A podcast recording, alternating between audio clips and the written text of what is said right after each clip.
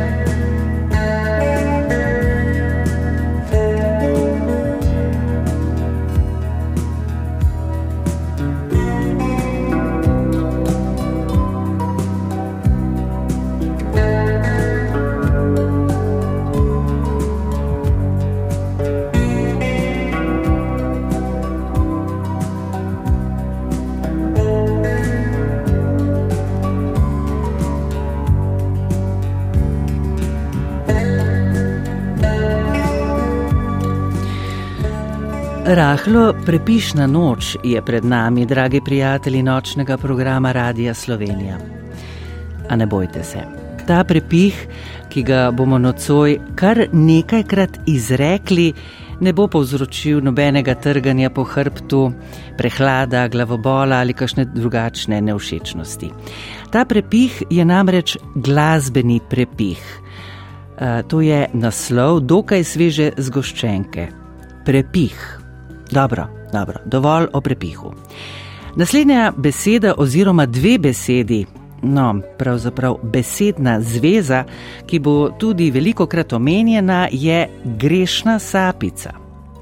O grehu morda več v pogovoru, morda v glasbi, PSP. Veliko krat boste slišali tudi besedo ilustracija in tudi ilustrator, pa strip in striper. Kako te z vidom povezane besede slikati radijsko? PSP.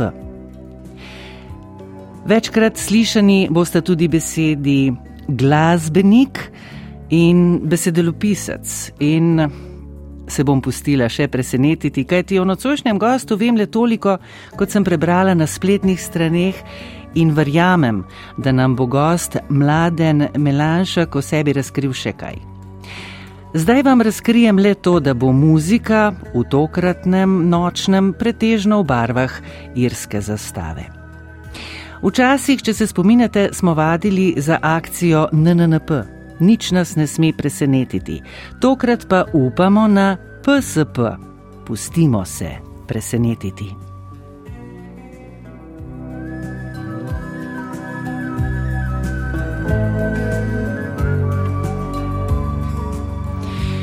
Po drugi se bomo prepustili slovenski zemlji v pesmi in besedi, ki jo pripravlja Nika Rožanc. Glasbo izbira po drugi uri Teja Klopčar, dežurna novinarka je Sara Lotrič, tonski mojster pa Matijus Bitenc. Za nas odgovarja urednica Jana Bajžel, vprašanje o gostu pa bom zastavljala zelo radovedna Lucija Grm. Najprej pa glasbeno popotovanje številka ena. Ja, dragi moji, jaz nocoj priporočam nočnega pa Irish musko. Dobro jutro. Dobro jutro. Dobro jutro. Dobro jutro. Mladen Melanšek. Pozdravljena, zdrav. Uh, prav prisrčno dobrodošel v nočnem programu. Hvala za vabila, z veseljem. Prav uh, veselim se odkrivanja glasbene, ilustratorske, športne in tudi drugačne poti, ki si jih preho, uh -huh. ki si jo prehodil v življenju. Imamo da z dve ure, bo? Bova, bova, bova zelo pohitela.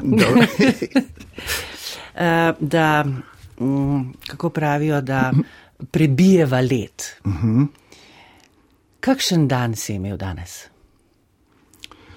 Začel sem s krofi in sem se jih tukaj najel, da mi je bilo popoldne že kar malo hodo in uh, smo ga malo popravljati. Uh, z destilati, ampak gre.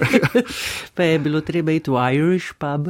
Ne, ja, ne, tule smo hoteli, eh, malo prej smo prišli sem v studio, ampak je že žal bilo zaprto. Že zaprto. Ja. Ja, tudi Irish pubi niso to, kar bi mm, morali biti. Kar je bilo čas. Um, Pojdiva od začetka pravzaprav. Um, prihajaš iz žalca. Žalca. Prav rojen. Prav rojen, žal, ja, celo življenje že. Um, Kdaj si začel z recimo muziko? Z muziko sem se nekako spoznal, predvsem mečkan, ker smo z družino hodili po razno raznih terasah. Ne. Moj oče je tudi včasih igral uh, harmoniko in smo bili vedno mečkan febčni, kaj se dogaja na eni in drugi terasi, ampak pol v osnovni šoli sem šel v glasbeno šolo. Uh, ne ravno na tisti inštrument, ki me je mene najbolj veselil, ne, ampak uh, klavir, jaz sem se učil klavir, kar je izredno, kako bi rekel, uporabni inštrument za vsakega glasbenika. Ne, super je, če poznaš. Taka osnova je. Pa ja, seveda. Ampak moja ljubezen, mislim, ljubezen je vedno bila, vedno ko smo hodili, ko sem že prej omenil razne, razne bende poslušati, jaz sem vedno slišal baslina najbolj. In tisti muskanteri, ko se igra bas kitara, jaz jih sam zijo. Zdaj so mi kar slina dol tekle. Sploh nisem vedel, zakaj gre, sploh kaj to za inštrument. Tudi takrat v glasbeni šoli bas kitare še ni bilo v programu. In v redu, pač klavir, vse je bilo fajn. Kasneje, uh, pol, ko si mulj v srednji šoli, te začnejo druge stvari zanimati. Uh, enkrat sem bil v Velenju v tisti znani trgovini v tistem času, edina trgovina, standard se je rekel, ko je prodajala inštrumente in to je bilo za nas, ki nas je zanimala ta stvar, nekaj čist svetovnega in smo kar hodili gledati tam, kakšne kitare so bile. Enkrat sem opazil nek benjo, je visel tam na steni. Čez nekaj časa sem pol našparil tu gnara, da sem si ta benjo prinesel domov. Ja, nisem niti vedel, kako se to igra, kako je oglašen, nisem niti vedel, koliko vrst teh inštrumentov obstaja po celem svetu. Pač imel sem ga doma ne? in mm. je počakal tistih par let, če lahko preskočim. Ne? Ko so prišli v sklopu. Um, v sklopu Vlaško, no, pivo in cvetje, so pa še Dubliners igrati. Uh -huh. Mi jih gremo poslušati in uh, potem sem se vas spomnil, meni je bilo navdušen, sem bil nad celim nastopom njihovim, ne sem glasbo, vse skupaj je bilo rekel lušen. In se spomnil, da imam jaz doma en tak benjo. Potem sem si nabavil, sem si nabavil vse posnetke od tega benda, tako če nisem poznal te irske glasbe. In uh, je bilo kar dost nekih instrumentalov, ki se jih je dal na benžu pozigrati, pa, pa takrat val počasi. Pa je bil pa mladen, priden, pa je mal vadu. Pa je bil pa priden, ja, dobro, sporedno smo druge stvari tudi delali, ampak če se osredotočimo zdaj na ta benžo, mm. pa na to jesko glasbo.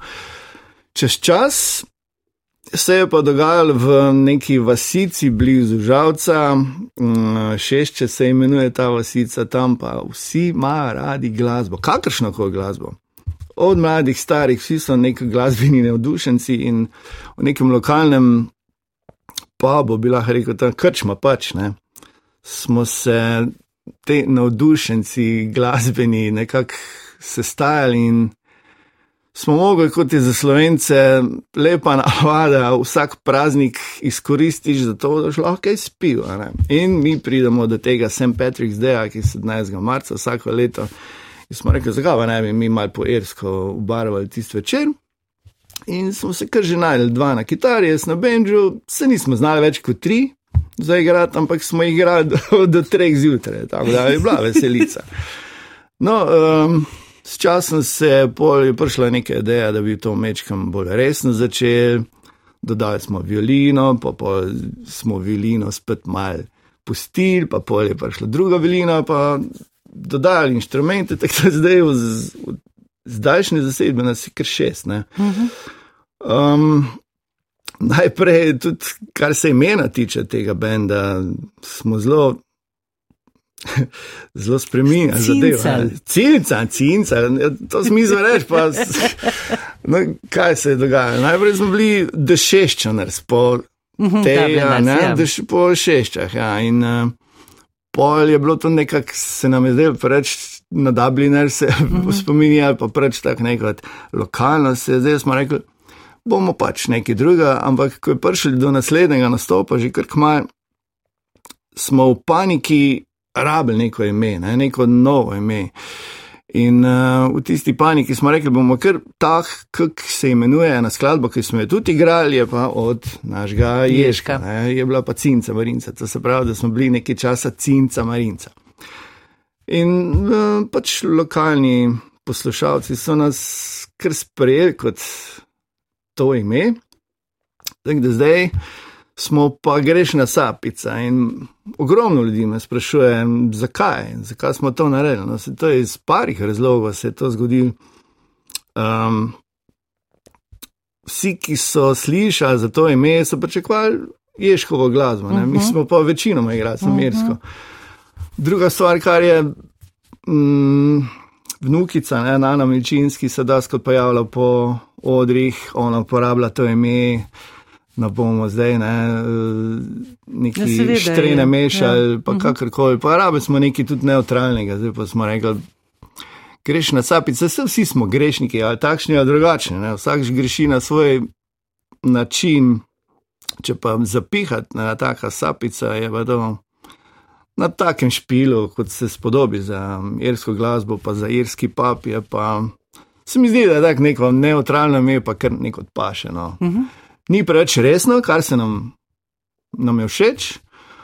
In zdaj počasi navajamo tudi tiste, ki so bili prej navajeni na našo cinco Marinco, da smo pa zdaj grešna sapica. Pa nekje sem zapazil, da je to bil tudi nek, um, nek naziv za en koktejl, ne vem čisto točno, ki je tako grešna sapica. Ja.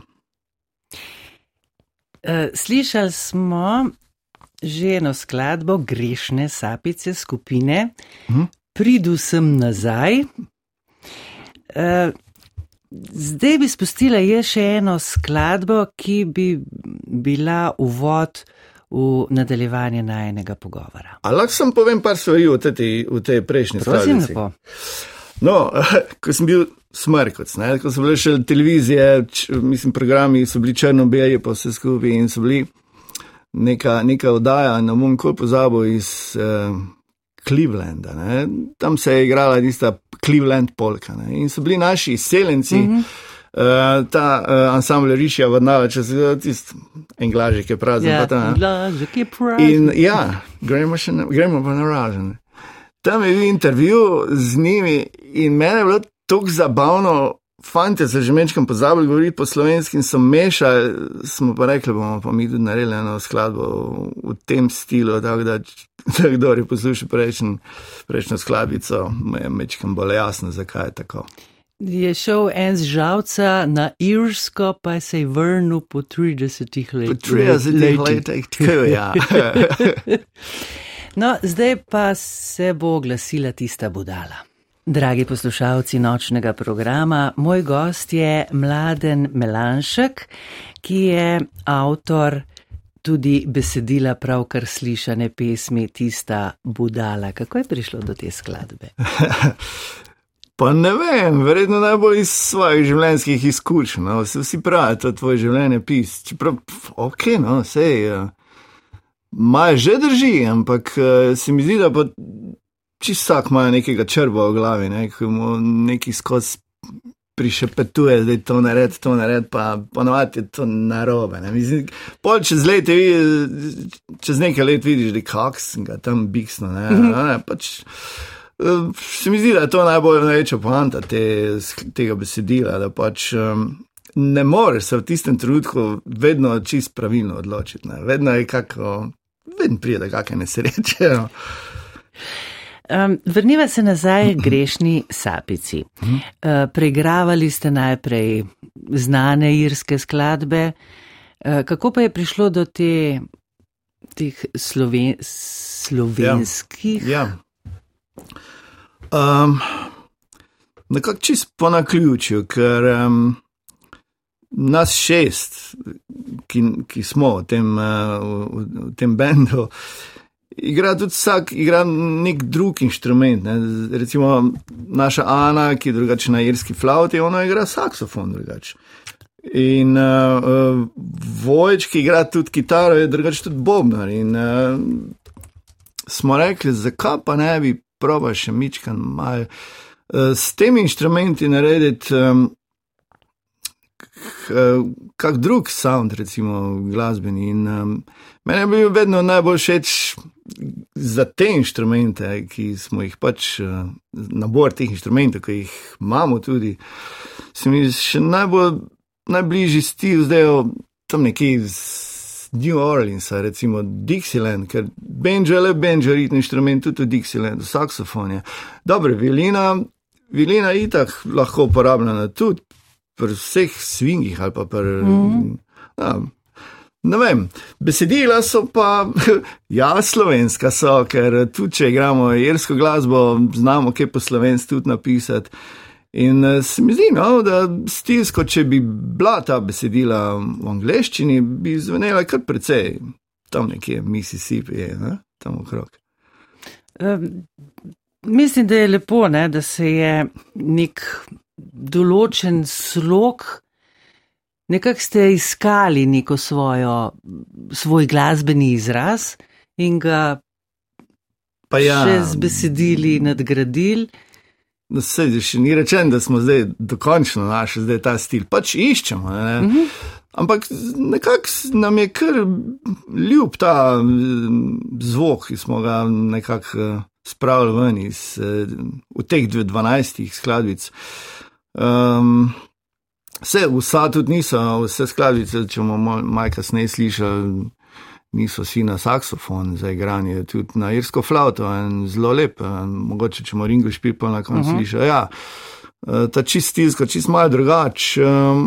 Ampak e, večinoma pa tisto, kar je bilo, zaigrano tako malo bolj živahno, tudi besedila so malo hudomušna, niso preveč resna, niso tista neka srce parajoča in podobna besedila, ampak bolj kot ne življenjska, vsa so resnična, ko sprašujejo, mm. kaj se zdaj dogaja s tistimi vesolci v žalcu ali pa recimo. Vse, kar pač uh, govorimo, je to, je vse po resničnih dogodkih. mm. Zgubila sem nit. Um, kaj smo se že imeli, besedila, pač slovenska. Ne? Ja, ja, probaš ja. pač uh, nekaj novega narediti zdaj.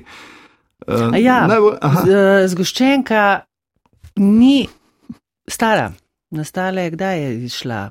Lansko leto? Uh, lansko leto, konec septembra. Uh, takrat smo tudi naredili en lep koncert v Žavcu kot promocija tega, m, te zgoščenke. Uh, Bilo je zelo super vzdušje v tej dvorani, mi smo fajn gosti tudi, ne, da ne morem, to ne smem pozabiti. Bil je Uroš Perič, pa je to moj, uh, s, s celim bendom in uh, tako super vzdušje v tisti dvorani. Se kdo je bil, bo to verjetno potrdil. Ne, ker, um, smo poleg teh 12 skladbic odigrali tudi po še eno celo rundo irskih veselih, tako da je bilo fajn vzdušje. Mm. Um, Uroša Periča mi dve lahko omeniva še v nek, neki drugi zgodbi. V redu. Kot vem, si del njegove spremljevalne skupine. Ne? Ja, to pa je spet bilo neko obdobje, ko smo preigravali v celju, bila nam malo večja zasedba, skoraj Big Band, bi že lahko rekel. Uh mhm. -huh. Uh, Moonlighting Orchestra, še vedno so aktivni. uh, Takrat smo rabili za. V tistem času ni bilo nekega, nekega solidnega vokalista v tistem uh, uh, bendu. Pa malo smo se štukali, tudi jaz ne dve odpel, ampak mi smo rabili za tisti prvi naš nastop nekaj fajnega. Ne? In naš umetniški vodja Berti je takrat predlagal imam, jaz enega poznam, ki oponaša rečalce. Takrat, v tistem času je bilo m, mm, zelo popularno, vsi so hoteli oponašati hleno blagne. Ne? Ja, in moški in ženske, vse nekaterim je fajrat, drugim pač ne, ampak. Ja, in tako sem dobil isto sliko, kako bo to hec, ne, ko bo eno ponaša rečal. In um, Sej, ko smo prvič na vajah se sreča, nam je zavezal, ne, gofle, mm -hmm. da on je res to naredil. Sej, nekaj prvih par let je res si nabil tiste sončne očale, gor pa še mečkam mu je podoben. Uh, tako da je res zgledal, kot da je ponaševalec, ampak se ga je ta slovec kar hmal, um, se je hmal znebil tega slovesa, ponaševalca, ker je odličen avtor, mm. odličen izvajalec. Tako da, uh, uraš servus, če poslušaš. Ja, um, že 20 let z njim uh, igram, ne? kot njegov spremljevalni bend. On sicer nastopa kot gost pri drugih big bandih, lahko tudi v tujini, da skrat. Večkrat ga tudi mi spremljamo kjerkoli. Lahko v tej tvoji glas, tvojem glasbenem udejstvovanju, kaj lahko še poveva? Da se imamo fajn. A ja, srečo imam pri, pri obeh dveh zasedbah, se pravi kot pri Urošu, kot pri teh uh, pri grešnih, pri grešnikih, da, da, smo res, da smo res tudi, um, tudi um, privat življenje, da smo prijatelji, ne, ne druži nas samo glasba, ampak smo frendi, drugače, tako da se res nekako razumemo. Skrega je resno, se še nikoli nismo ne z enim, ne drugim, če pa že kaj je, pa zaradi kakih bedarij, ki jih pozabiš čez 15 minut. Ne? Ampak to ni kregarija, to sem ti smal. Bockanje. Bockanje, ja, no, evo, imamo isti izraz. Eh, Medva bova kar nekaj besed spregovorila tudi o ilustracijah, ki so velik del tvojega življenja, pa vendarle bi še tako zelo rada ostala pri tej muziki, kajti irska glasba je tudi meni zelo ljuba. Uh, praviš, da je uh, okoli 15. marca veliko nastopov. 17. ja. Sem Petrik, da je to pač širski največji praznik, včasih je bil to bolj crkven praznik in to se je nekako eh, izrodilo, da se praznuje, da se raja po ulicah, raja se po njihovih krčmah, pabih. Ne? In pač da, si duška. In se letos obetajo že kakšni koncerti za greške? Ja, ja, že imamo tri datume. Tako da se, pri tem prazniku je fajn isto kot pri nas, ne, ko praznujemo, ko praznujemo eh, Martino, to se razpotegne na 14 dni, lahko mhm. tudi ne. Tako da pač petkov in sobot je v tem terminu skoraj premalo. Koliko je grešna sapica po občutku že znana v Sloveniji? Neznana. Neznana. ja, no, kaj pa sem, da je, ok, sej tisti, ki pridejo na naše špile nas že nekako spoznajo, nismo še pa medijsko tukaj odmevni. Zdaj, tudi glede tega izida našega, naše zgoščenke, to je v bistvu frišna zadeva, mislim, sveža, da vam lepo se izrazo. Tako da ne vem, se to ne gre kar en, dva, tri, po moje. No. Treba je lepo počasi. Počas pa zanduhtijo. Počas pa zanduhtijo, pa da ljudje prebavijo te skladbice, da se jim nekako, če bomo imeli srečo, da se jim. Uh, nekako usidrejo, locirajo tiste male možgane, kamorkoli že pač, da se jih začne, da se jih začnejo sami brundati. Pa bi pa že bilo mogoče mečkam lažje, tudi če se nekje na kakem plakatu pojavi ime grešna sapica. Aha, to so pa oni, ne, ja. ki igrajo res tako kropir, pa tiste budale, pa take fore. Uh, kako se ti zdi, če si se pogovarjal s kakšnimi znanci ali pa pravzaprav ljudmi, ki si jih Eh, prvič srečal. Kakšen je odnos slovencev do irske glasbe? Zelo hitro se najdemo. Ja, jaz včasih pošalim, da, da mm, slovenci, pa irci, pa indijanci imamo neko isto lasnost, da bolj ko smo veseli, bolj žalostne pojemo. Ne? Ampak. Ne, irci imajo, irci imajo te žalostne besedila, imajo mm, zapakirane zelo vesele ritme če, če poznaš par njihovih um, zgodbic, to so v glavnem kriminali in pa žalostne zgodbe. Ne? Sej irska zgodovina, so kar trpeli skozi celo irsko zgodovino. Um, tako da teh zgodbic je milijon, redko kera je res tako vesela, da bi ljudsko od veselja, ampak oni jo nekako naredijo na vesel način. Tako da, tako da smo si celo mal podobni. Bi rekel, da ja, vsi se znamo poveseliti, sploh ob šanku. Ja, imamo kar da skupnega. Um, Letos, če se ne motim, si prejel Savinovo plaketo občine Žalec. Ja, uh, predvsej nepričakovano, vse za me. No, ker, če bomo prej mečkam, če bomo kasneje mečkam več povedali tudi o ilustriranju. Uh, že dolgo se nisem več kaj izpostavljal s kakšno razstavo ali pa kakorkoli. Um, Ker? ker ne vem, pač delamo tistim svojem meru, vse je. Vsake tok časa narišem kako ilustriran, kako knjigo, pa pač ta knjiga izide, ampak ne vem, pač ne vem zakaj. Jaz sem pač tak človek, da se. Take sorte, da, da bi se, se izpostavljal. Imam ja. obdobja v življenju, se pravi. Me bo pa že zagrabil, še mogoče. Dobar. To um, pa recimo, se mi zdi, da velike tudi pripomorili k temu, pač avtor sem večine skladb na tem CD-ju, tam v naši, v naši občini, pa so pa opazili. In tako hvala, hvala predlagateljem in pa komisiji, da so me spoznali za vrednega tega priznanja. Mogoče je k temu priznanju pripomogla tudi naslednja skladba.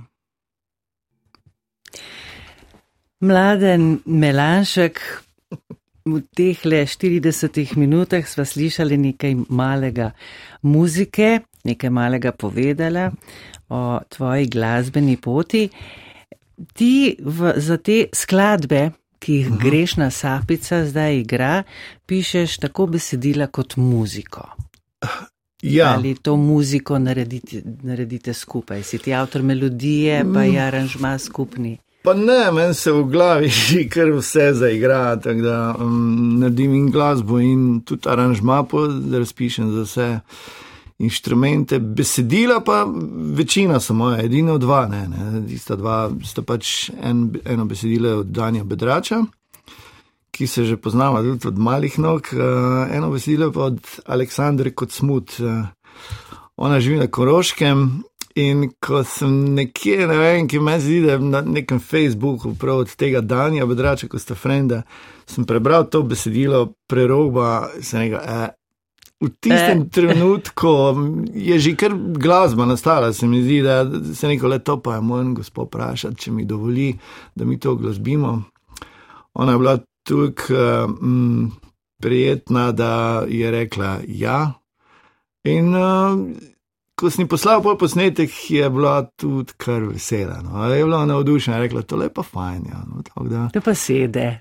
Ja, in uh, pač, če bom, ne vem, imamo slišali ta, to skladbo, ne, na koncu gre pač. Besedilo je precej kratko, se pravi, če bi sam šli prvo, druga, tretji kitica, bi bilo bi skladbica trajala minutko, pa mogoče več. No, smo, ampak v, zadnji, v zadnjih verzijih eh, omenja, da se pač tistemu nekomu se v glavi zameša čist in smo nekaj hot, hoteli ustvariti. Kaj pa je tisto vzdušje, če se nekomu čist zafeclja v možganjih in smo res tako mal kako bi rekel, Floydovsko. Uh, Naredili nek tak džumbo, spomnil sem se neko zmešnjavo, čisto no, upam, da nam je uspelo. no, kaj pa če mi to prerogbo zdaj zavrtimo? No, super, pa da imamo. Ja, um, pripravili smo sicer seznam sklad, pa Aha. je ta prerogba Uh, Še ni na vrsti. Ja, ja nekje se je, se je ustavila v neki, nekem, neki drugi vrstici. Vre.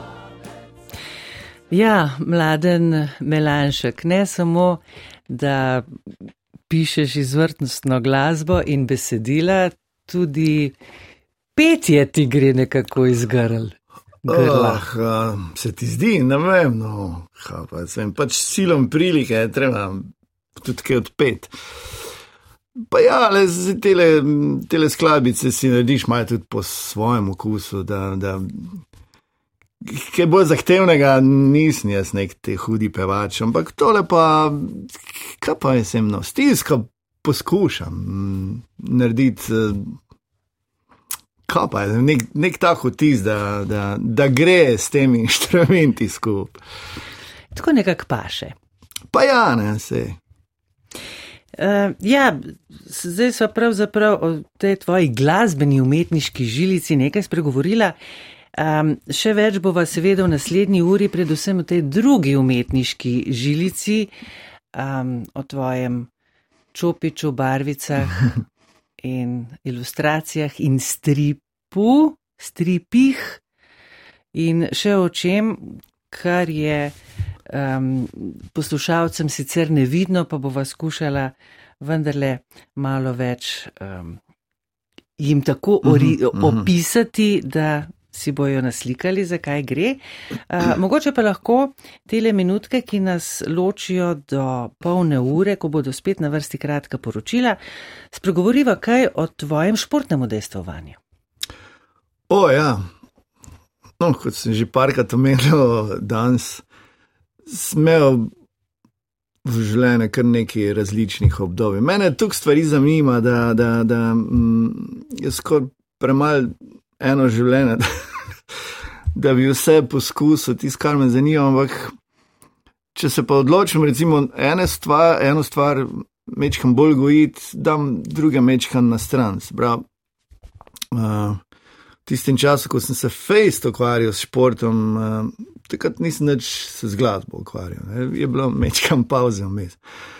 No, kot mulj me je zanimalo streljanje s puško. Uh, pa treniraš, pa treniraš, pa priješ do nekih uspehov kot mladinc, pa priješ do nekih uspehov kot član pol. Um, največ uspehov sem imel um, z velikim kalibrom, s puško leže, velikim kalibrom, takrat sem bil celo petkrat državni prvak.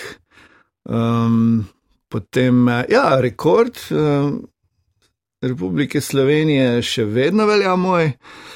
Uh, zakaj je velja? Zdaj, tega programa se mi zdi, da ni več. No? To so ukinili pred leti.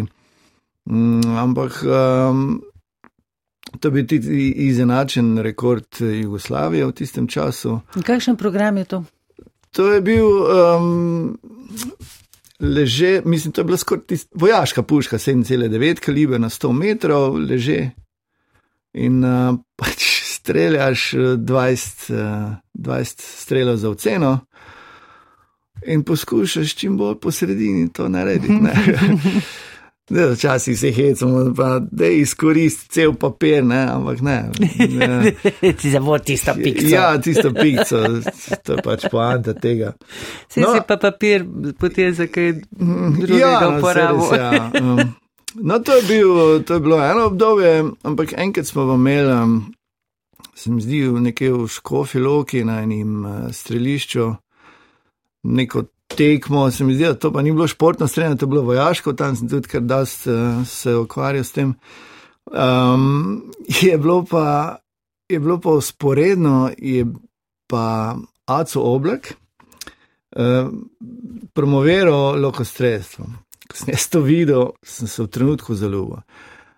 Ne, Aco, ta, čeprav je fajn človek, ampak tole, ta lokostrestvo, um, ki ga je on pač promoviral.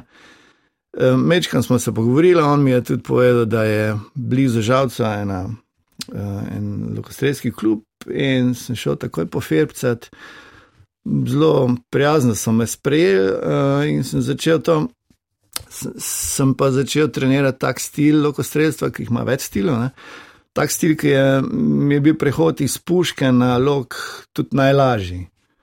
Uh, in uh, neko disciplino sem že imel vse, um, malo mišanic sem že znal, to se pravi, samo moral sem tehniko, lahko sredstva usvojiti. To mi je pa tudi karat, ali v bistvu precej hiter, no, v parih letih to, to hiter. V parih letih to, da sem nekako uh, tle še pa večje uspehe doživel. No, prav tako sem bil petka državni nekaj rekordov sem dosegel, tudi državni, ampak teh pa ne držim več, ker so zdaj tam mlajši zelo hudi. Ne. Ampak najve, za največji uspeh se štejem pa pač, da sem bil na svetovnem prvenstvu v Franciji, sem pa nekako zasedel sedmo mesto tam. Je, juhu, ja.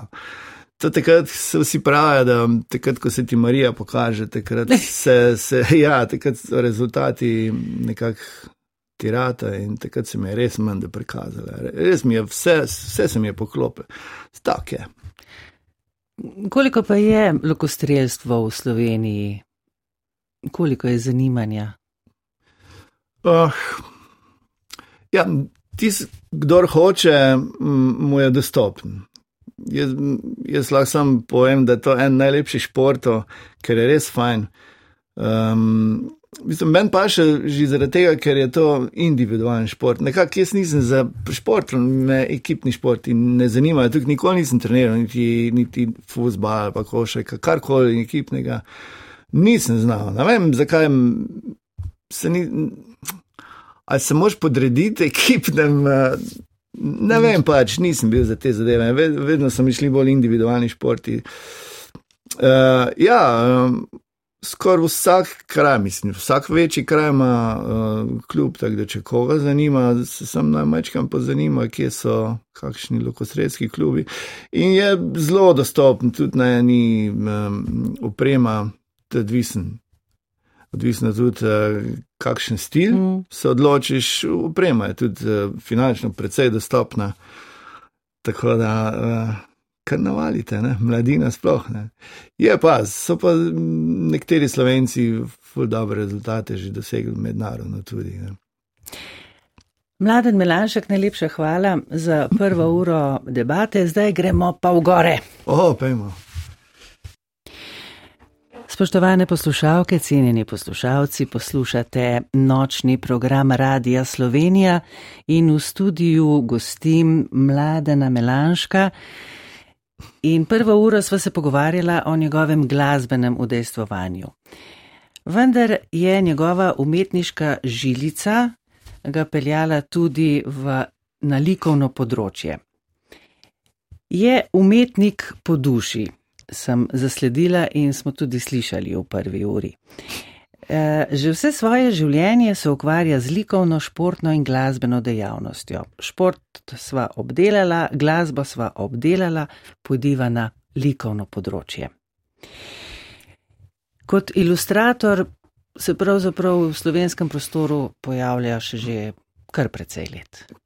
Ja, že kar nekaj časa. Tudi tako silom prilike je prišlo do tega.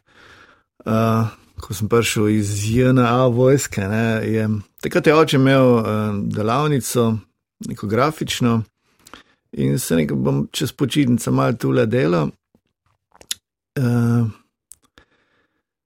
na kar je bilo treba narediti neke grafične priprave za sitotisk. Um, Pa mi je kar v redu, rata. Potem so začele neke druge stranke, skratka, pokazala se je potreba po risanju, po ilustracijah, po ilustracijah kakršnih koli. In uh, sem pač to naredil, in nekako se je začel kar ta zadeva širiti in širiti. Večkrat sem se um, spoznal tudi z drugimi um, stili risanja, takrat je bilo zelo modern ta airbrush, ne, zračni čopit, kot se reče po slovenski, kompresorček in tista mala pištolca. Tako se je dal lepo. Um, mehko senčiti in lepi prehodi, bani so se lahko.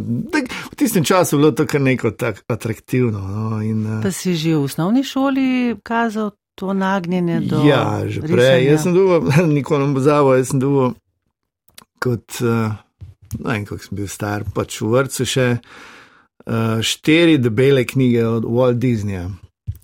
In, uh -huh, uh -huh, tiste, poznaš, ne? Rdeča, zelena, oranžna. Ja. No, tiste sem vse prerisal. Ne vem, če je bila kakšna ilustracija, ko ne bi prerisal. In to nisem prekopiral, to sem prerisal. Vse od začetka je bilo to, ni bilo ničemer podobno, ampak nekako sem se verjetno v tistem času mal potreniral že v risanju. Ne. Pol pa s časom pa v šoli eni in drugi, res nekako uh, majčkam bolj um, se, kako bi rekel, se se prisiliš, eh, da, da, se, da se bolj osredotočiš na to risanje. Vedno sem pa se nisem risal samo v šoli, vedno doma, to mi je bilo neko veselje. Sprostitev. Uh, ja, pa um, stripe sem bral, to mi je bilo tudi fajn. Uh, uh, in v teh stripih sem nekako uh, spoznal te smešne face, karikature, kot nekateri rečejo. Ne. Uh, to mi je bilo res tako. Meni se eno in drugo šolo. Katera je tista druga šola? Pa ne, pedagoška likovna smer, pač na, na to sem šel. In uh, se pravi, sem, to je tisto, ko si mulj, tam srednja šola, si itak najbolj pameten na celem svetu, noben te ne more prisiliti, pa da bi, da, bi, da bi se učil od njega. Ne vem, no, pač ti je tista puberteta, maj si termas. Ne. Ampak da, verjamem, nekakšno hrano to žilco, risarsko. Mm, mm, No, in kaj bi še povedal, tem, da bi, da bi mečkan ljudje bolj razumeli, uh, kako sem prišel do tega. Je, pf, treniraš, to ti je ta drill, ti da največ, po mojem. No. Pa nekako priješ do tega svojega stila risanja. Tudi. Meni se te pač smešne face najbolj domače. Pa ta, kot sem že prej omenil, ta Walt Disney je res naredil nek tako tis na mene, da nekako še zdaj ga imam ukoreninjenega. In sploh ta Walt Disney produkcija, tudi nekasneje, ko je nastal Pixar produkcija, pa tele usporedni, ko so Dream, DreamWorks, te risanke so tako dobre, da. da Pač uživam, uživam v tem, ko gledam. Včasih, ko gremo v kino, sem med vsemi froci jaz najglasnejši, ko se najbolj režim. Ne? In to je včasih bilo hčeri, ker mečka narodni, ko smo mogli tam v kino gledati, pa vsi so mene gledali, sem se tako, res sem se smejal, fajn, več čisto noter padem. Ljudje mogoče tvojega imena ne poznajo, poznajo pa pravzaprav tvoje izdelke oziroma ilustracije, ker so uporabljene na embalaži kar večjih blagovnih znamk. Ja, to je res. Uh, takrat, ko je ta trgovska družba Tuš, ko so začeli, se ne vem, reklamo, ne, to ni reklama. Pač, uh, ko so začeli um, svojo embalažo uh, postavljati gar na police, takrat uh, vse tiste ilustracije, ki so jih oni uporabili za embalažo, naredil jaz. Od soko do mleka, mlek se najbolj prodaja v tistem času. Uh, res so bile take, predvsej, ni mi bilo všeč, če sem naredil tako zelo živo barno. Ne? Pa smo pa delali, pač živo barno in je bilo vse tiste um, ilustracije, so pol čez, ne vem, čez 5-7 let zamenjali, ker pač treba malo obnavljati. Um, no, zdaj v zadnjem času sem pa delal za tole mlakarno, celeja spet. Um, eno kolekcijo, neke lušne jogurte smo delali in namaze, pa razno razne čajčke za mogotok, tisto, kar je še bilo včasih, pa niti se ne spomnim vsega, kar vse je bilo. No. No, ampak to je ta, da rečemo, industrijski. Tako industrijsko, tak. ja, bolj. uh, bolj, um, ko bi rekla, osebno, so pa stripi. Ja, Uh, stripi. No, se to je ena taka moja značilnost, je, da sem kar kmal potem, ko jaz naredim kakšno stvar, sem že par tednov nezadovoljen s tem. Ne vem, nikoli nisem prišel do, do tega, da bi rekel, evo, tole je pa, tole je pa. To je pa to. To je pa to in ne bom. Sem siguren, da do konca življenja mi bo to všeč. Pa ni tako. No? Jaz bi že recimo, po parih mesecih čist drugače narisal neko stvar, kot sem jo. No. To je isto za tale strip. En strip smo delali z dobrim prijateljem Jani Prgič, on je takšno serb in je, uh, in je naredil en, en luškano besedilo za en strip, uh, teorija zarote. Uh, jaz sem to ilustriral, pa smo se fajn imeli, v bistvu nikamor se nam ni mudil, šla smo čisto tak svoj stil in risanja in pripovedovanja. Imeli smo pa pa srečo, da smo šli najprej v samo založbo, da smo naredili nek eh, probne uh, izide, mislim, probna. probna Pilot. Ja, tako, ne, neka naklada, mehna je bila, glih tukaj, da smo lahko pokazali.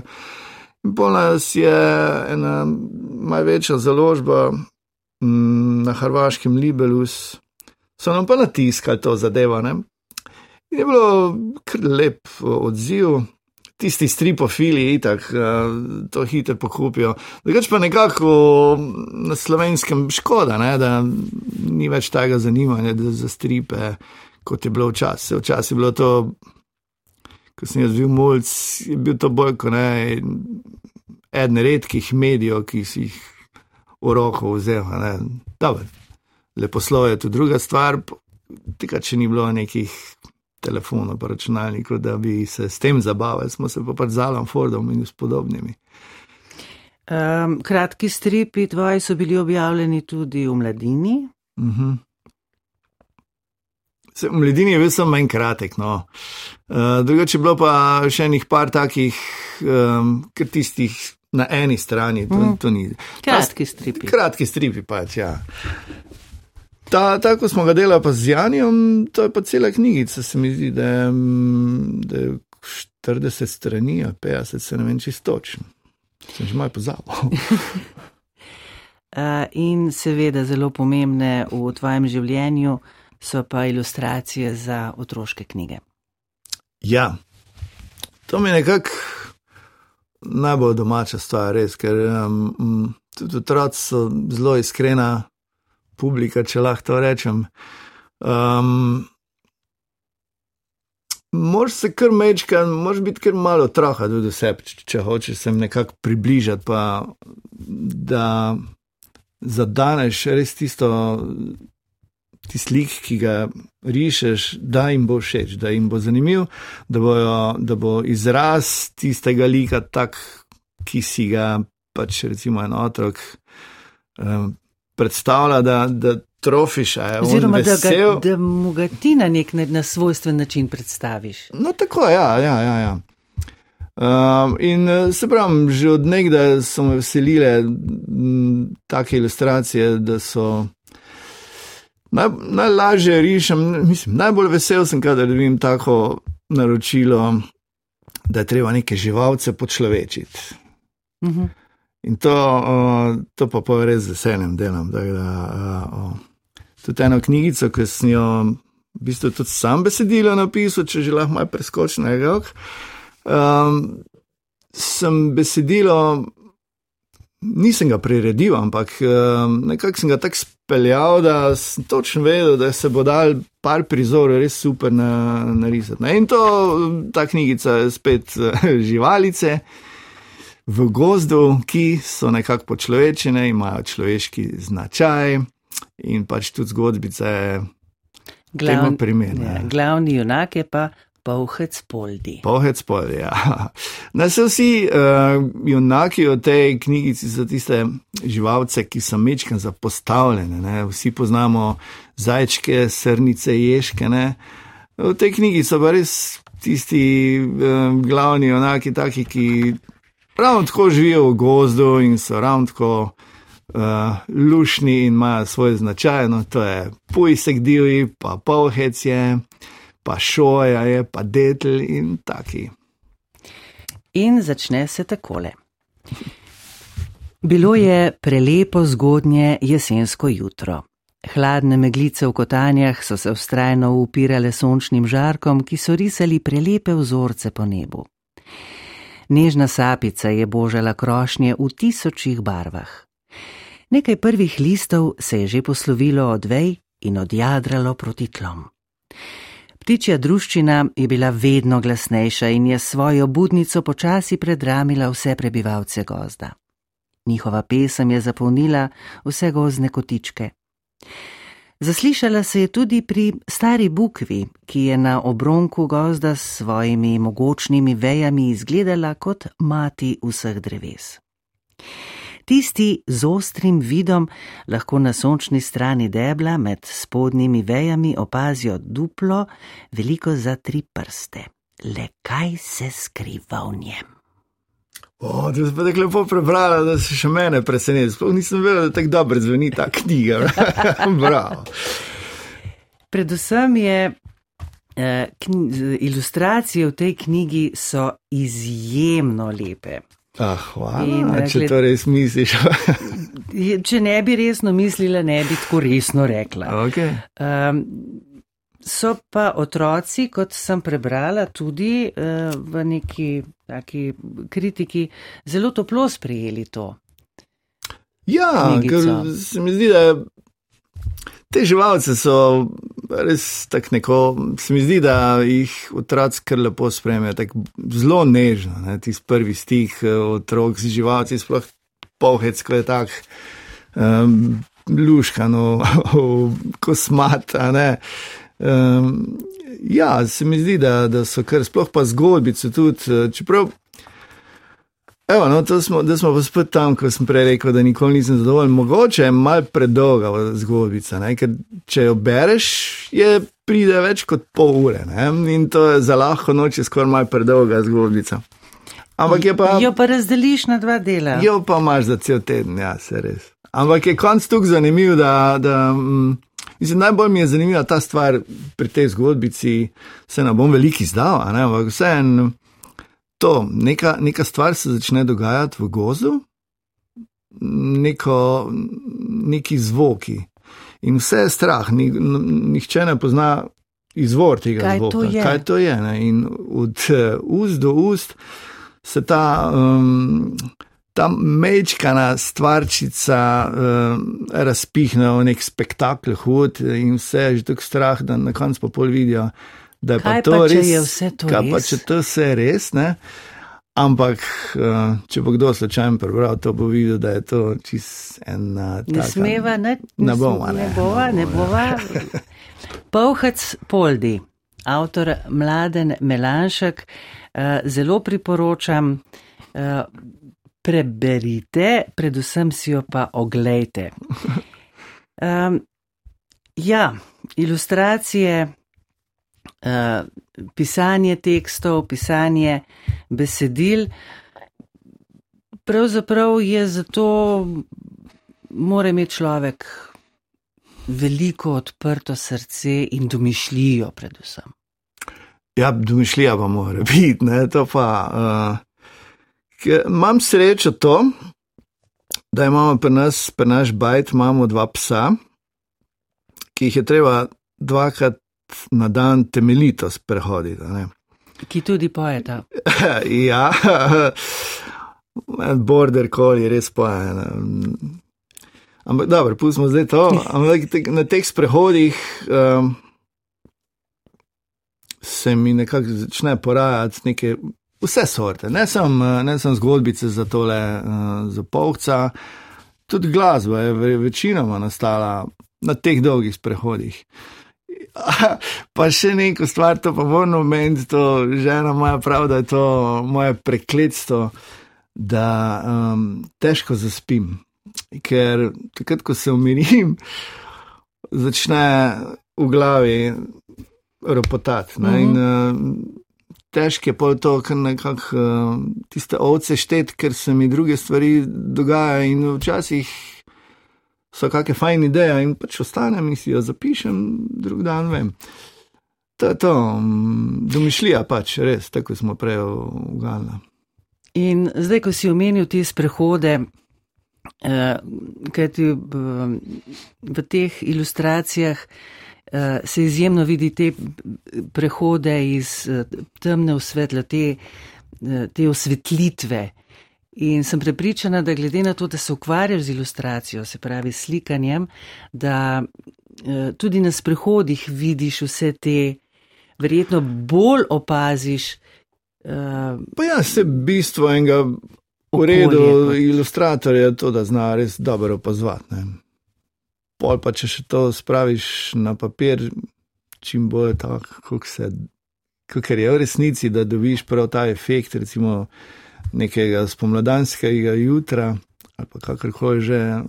Moš kar dobro opazovati, ali pa če si res toliko gmajni, kot sem pa jaz. um, ja, mi je to zelo blizu. Um, se pravi, ko sem delal um, tega polca,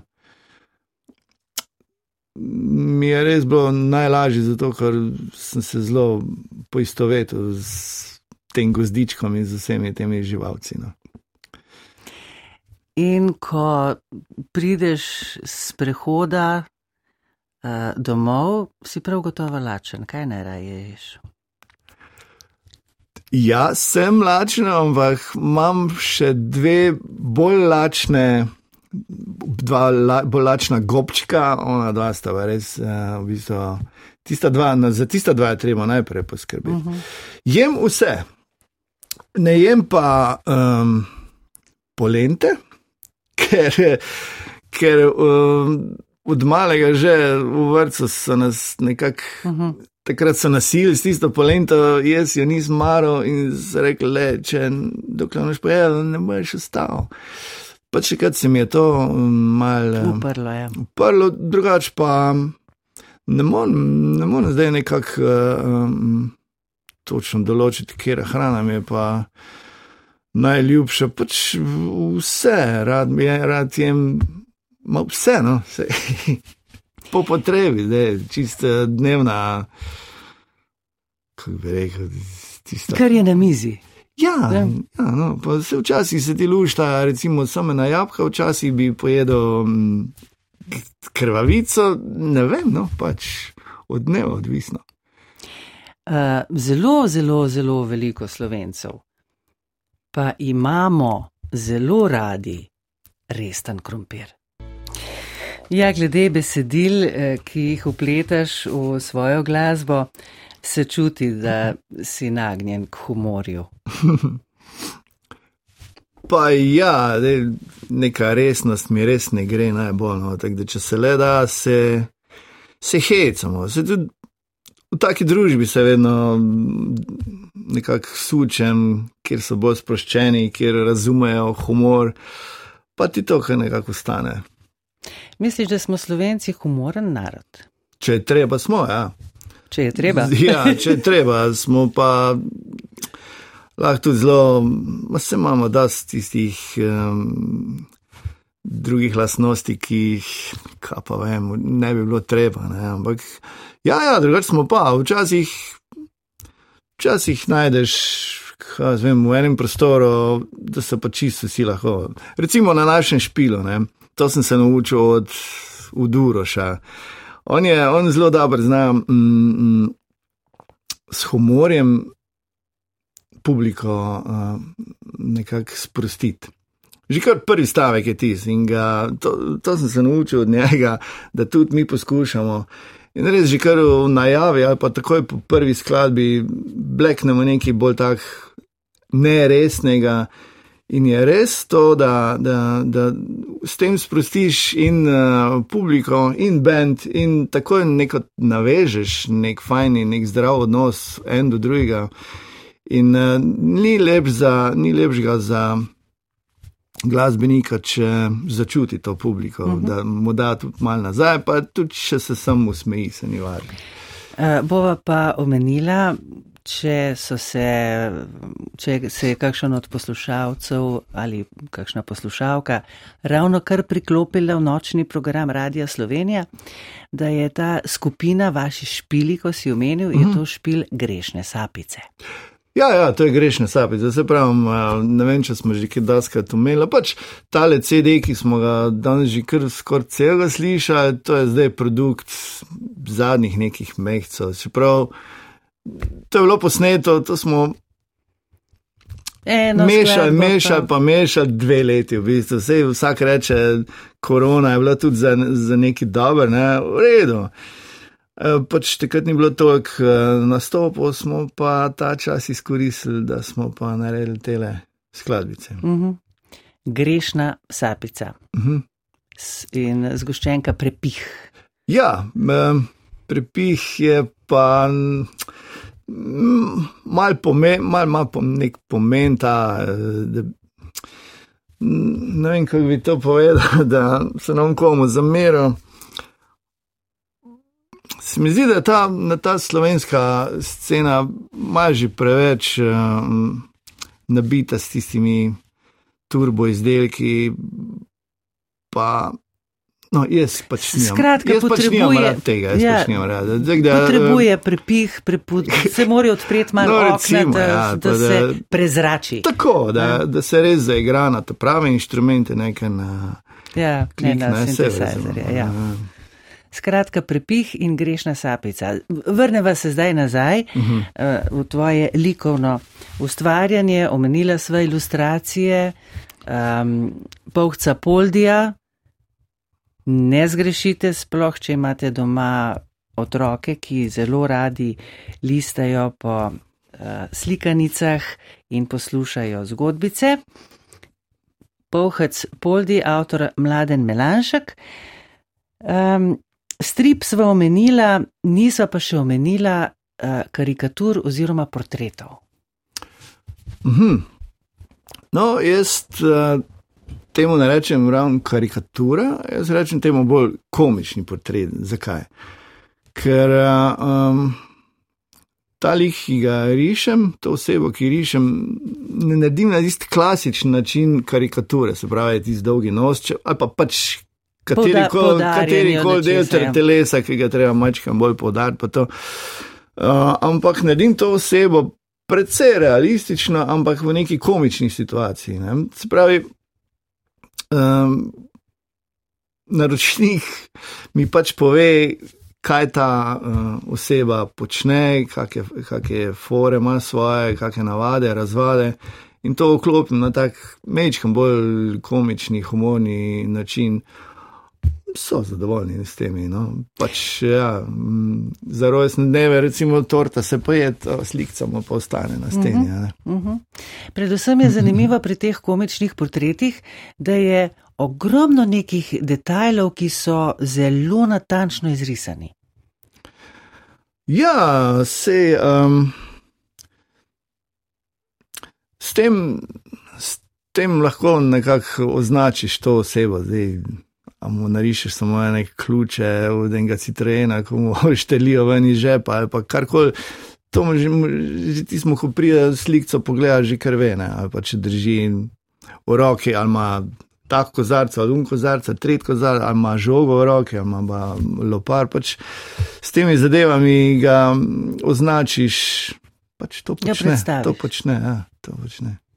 Je dosti naročil, kličejo ljudje. Pa, kot kdaj. No, sej, uh, pa mogoče niti ni pri nas uh, toliko razširjena ta, ne bom rekla, navada. Uh, ampak vendarle, kot si prej omenil, je drugače od tega, ali ti za rojstni dan prineseš torto, steklenico, karkoli, ki se poje in se tudi pozabi, od koga je, ali če daš neko tako zadevo, ki ostane. Naj bo to knjiga, naj bo to slika, naj bo to. Ja, absolutno. No, ampak eh, za te moje zadeve se odločajo bolj za tiste pomembne obletnice, za kakšne uh mhm. -huh. Abrahamčke, pa, pa recimo, ko gre gospod v penzijo, pa take. Tako da mu recimo ena družba, ki se od nje poslavlja, ali pa pač skupaj praznujejo, mu skupaj podarijo to zadevo. In ostane. In ostane. In ja. Zelo lepo darilo. Uh, pa pojdiva spet uh, k grešni sapici in k tej um, irsko obarvanim slovenskim, lahko rečemo popevke.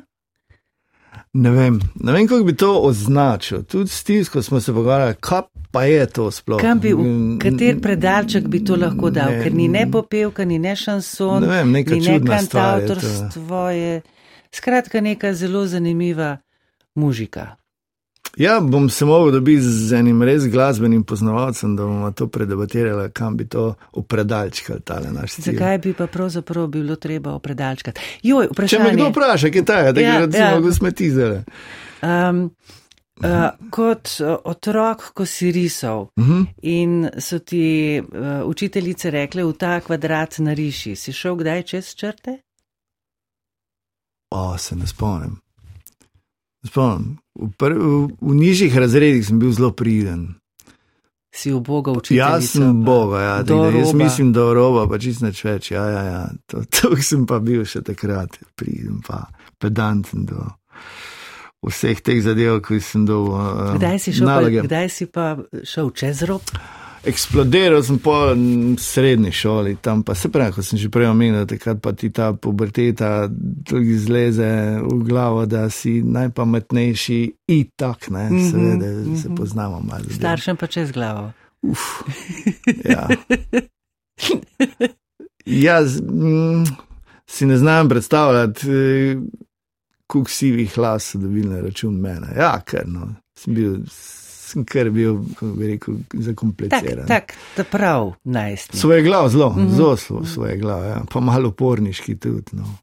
Kako pa starši gledajo na, na vse, to, vse ta odejstvovanja in športna in uh, ilustratorska in glasbena? Pa nima nič proti. V redu, ja, oče je bil eh, že pokojni, je bil tudi, um, je bil pa trener uh, v strelski družini. Uh, ampak meni nikoli ni treniral, vedno smo tako bolj usporedno mm, delali. Um, Ponavadi ni dobro, da starši trenirajo. Ja, dobro, nekateri imajo radi, nekateri nimajo. Pač, um, kot sem že prej omenil, tista puberteta, mene ni mogel nihče več naučiti, ker pač tako je bilo. Uh, ja, te zadeve v zadnjem času, kaj se dogaja, pa ja, mama je ponosna. Pač, ja, si, si mami že uh, narisal kakšen portret? Benga v svoje žlahte nisem narisal. Mogoče gli zaradi tega, ko sem prej omenil, da nikoli nisem zadovoljen na tem, kaj narišem, mm. ker bi pač čez tri mesece rekel, da je nič hodilo. Pač tako je, no, ne vem zakaj. Mladen, bar od rešitve. Uja, se najdem pri tem, eh, v tej skladbici, pa verjetno tudi marsikdo, ko bo tole slišal. Dobrodošli, spoštovane in cenjeni v nočnem programu. Bar odrešitve, naslov skladbe, izvajalci, člani skupine Grešna Sapica, avtor pa Mladen Melanšek, gost tokratnega nočnega programa. E, pogovarjala sva se o tvoji glasbeni poti in ravno kar si mi off the record e, omenil, da pravzaprav pišeš tudi um, priredbe, se pravi, narediš orkestracijo vsake skladbe. Ja, za vsak inštrument pač napišem njegovo linijo, pri vsakem komadu. Ja. In kje si se to naučil, glede na to, da nisi bil niti v srednji glasbeni šoli, kaj šele na akademiji glasbeni? Ne vem, pa ne vem, se, meni se ne zdi to zdaj neki bao-bao, ampak pač poslušaš, poslušaš milijon uh, različnih skladbic, pa približno veš, kaj bi rad, kak, kaj bi rad iz ene skladbe naredil, kak, uh, kako vzdušje. In uh, se, se mi ne zdi, da je to nekaj. Fulznanost. Ja, Ampak dobro, ja, to je za nas, tistih par inštrumentov, nikakor se pa ne bi upal za orkester pisati, ki pa niti ne poznam, kak obseg ima vsak inštrument, zagodala, govorimo. Mm -hmm. um, sva pri komičnih portretih ostala na zadnje, ker sva debatirala o tvojem likovnem udejstvovanju in uh, da um, te domiselne komične portrete poznajo tudi ne samo v žavcu. Odkudar prihajaš, ampak tudi drugot po Sloveniji. Se pravi, domnevam, da si, um, komične, da si portretiral tudi kakšne znane slovence? Ah, pa nekaj znanih je pa res bilo, ja, se ne vem za čistočno poemensko, ampak pa niso to neki fuznani. Mm, Če še niso, pa še bodo. Ja, pa mogoče. Dobre, Oziroma bodo eh, znani slovenci ja, se obrnili na mlade na Melanško. Pa ja, se od ust do ust se mi zdi, da je ta še najboljš tista reklama, ne, ko vidi nekdo pri nekomu, a to si dovolj fajn, kdo ti je to naredil. Se mi zdi, da to je še taka najbolj zihara reklama. Uh, torej, spoštovane cenjeni, če ste slučajno kje pri računalniku, oziroma če boste, odtipkajte mladen melanšek, pa se prepričajte uh, o tem, kar mi dva pravkar uh, govoriva. pravzaprav sva predstavila vse tvoje, se mi zdi, poti v svojem življenju, glasbeno, športno, nekaj vse, no, malega. No, ja. V gore smo šla pa samo uh, z muziko, Z muziko, ampak ja. v hribe pa tudi. No, to je Rad. tudi eno obdobje v mojem življenju, ko no, imam same lepe spomine. ne. Gore, ko sem bil smrk, kot niti nisem tu veliko zahajal, ampak pa sem pa nekako uh, tam nekje spet v srednji šoli, me je pot daskrat zanesla s kolegi, hribe. Pa smo šli zmer više in više in više, in je bilo tam gar tako fajn, da sem pol, ko sem bil že malce starejši, zbraj, ko priješ iz vojske ven, ko um, imaš malo več časa, takrat sem se ukvarjal bolj kot ne sam s tistim streljanjem ali pa lahko strelstvom. Bilo je dosti časa in sem kar fest. V bistvu sem kar sam zahajal v, v gore. Ti- Tako da tiste 2000 pomembne sem kar bolj kot ne sam. Eh, Ampak Oddela, to ni najbolj pametno. Absolutno, da ne. Tako da to ne priporočam.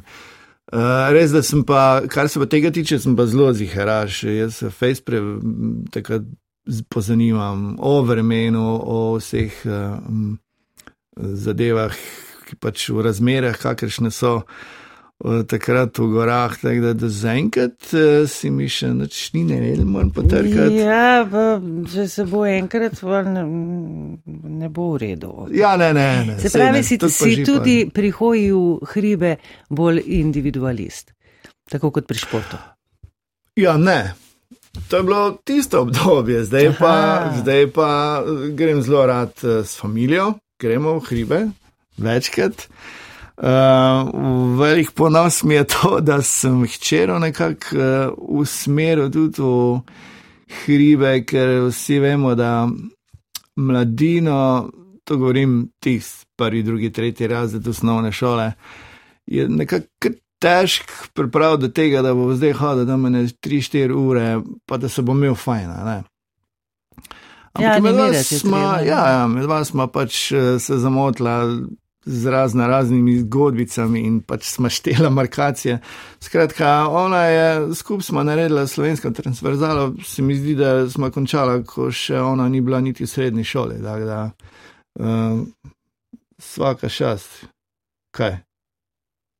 Šest, sedem, ne, osmi rad, ne vem, le vse pač. Uh, no, v glavnem ona ima eh, slovensko transverzalo narejeno in je. Uh, se mm, skoraj meni bolj, bolj fajn zdi kot njej. No, da, z njej je to zdaj to če nekaj čist normalnega, meni se pa fajn zdi. Mladen Melanšek, rekla bom najlepša hvala za obisk. O, z veseljem, hvala za povabilo. Jaz upam, da bo grešna sapica pihljala dolgo let Z grehom, ja, kar naj. in da bo uh, veliko zanimivih, veliko koncertov, da bodo zanimivi v to, ne dvomim.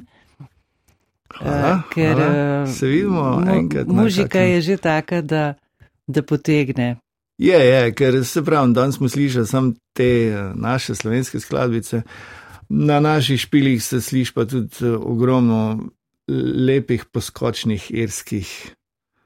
In, eh, Ste in tudi kakšne druge slovenske uh, skladbe predelali v ta irski Smo, melos? smo, smo probali. eh, Ravno takrat, ko sem omenil, da smo bili še cinca marinca, v Deška smo naredili dve, Glažek Vinčka in Mm, mm, ravno tole mhm. mm. cinca marinca. Eh, To imamo še vedno na svojem repertoarju. tako Da, mm, Glažek Vinčka, to vsi poznajo in se vsi stopijo, ne, ker je tako fajna, lepa. Uh -huh. No, prcinca marinci pa zaplišejo še bolj poskočno. No, tako je. Ja. Um, seveda želim tudi veliko naročil za portrete Hvala. in seveda tudi veliko novih ilustracij v otroških. No, tega se Eh, še bolj veselim kot portrete, ker pri portretih je tako, to, to moš res zadet, če češ, da, da je stranka zadovoljna. Pri teh zadevah pa lahko mečkam po svoje narediš, pa je, je kar v redu. Pri ne. knjigicah. Ja, da če si avtor ti teh uh, likov, pa ti ne, bo, ne, ne more noben reči, da ga nisi dober trofo. ne. Um, skratka, uh, Povhec Poldi uh, je to je knjigica številka ena, Pavkca. Bravo, Poldija. lepo, da ste omenili. Ja, ker uh, marsikdo mi je že rekel, kaj je zdaj, a ne. A bo kak drug del tudi, a ne. Ja, bo, ker me že tukaj otrok sprašuje, kdaj pride naslednja. In uh, mi je že kar mal naroden, ker uh, pohe se že tako dolgo na sceni, recimo, da tisti otroci, ko so takrat prvi dobili to knjigico, bo že hvala imeti svoje otroke. Ne, se ne tu. Ampak um, jaz se spravljam, uh, zgodbico že imam za drugi del, bom meškan uh, bolj nežna, tale bolj, recimo, ker so te ležvalce zelo faloti, tam nekje na tri četrt uh, si izmišljajo neke take prigode, fantovske bolj, uh -huh. ta pa pomečkam bolj romantičen, nežen, ampak bo tudi zelo zanimiv. Skratka, lahko še omeniva, da se Pavkca Poldija vidi tudi na medmrežju. Ja, smo naredili čisto tako zvočno pravljico z vsemi ilustracijami, da če kdo hoče na YouTubu, si ga lahko odtipka, pohec Vi, podi. video, zvočni. No, spet ne vem, kako se temu stile reče. Ja, ja, Skratka, pač, ja. spet nekaj čez, čez rob. Ja, vid- nekaj drugačnega. Neka video pravljica, ja, vem. Zvočno, slikovna. Tako, ja. Um, Pavkec Poldi. Mhm. Mladen Melanšek, še enkrat najlepša hvala. Hvala še enkrat. Poslovili se bomo s skladbo Dan potem, ker danes je dan potem. Popusto, ja. Srečno, mladen. Enako, hvala.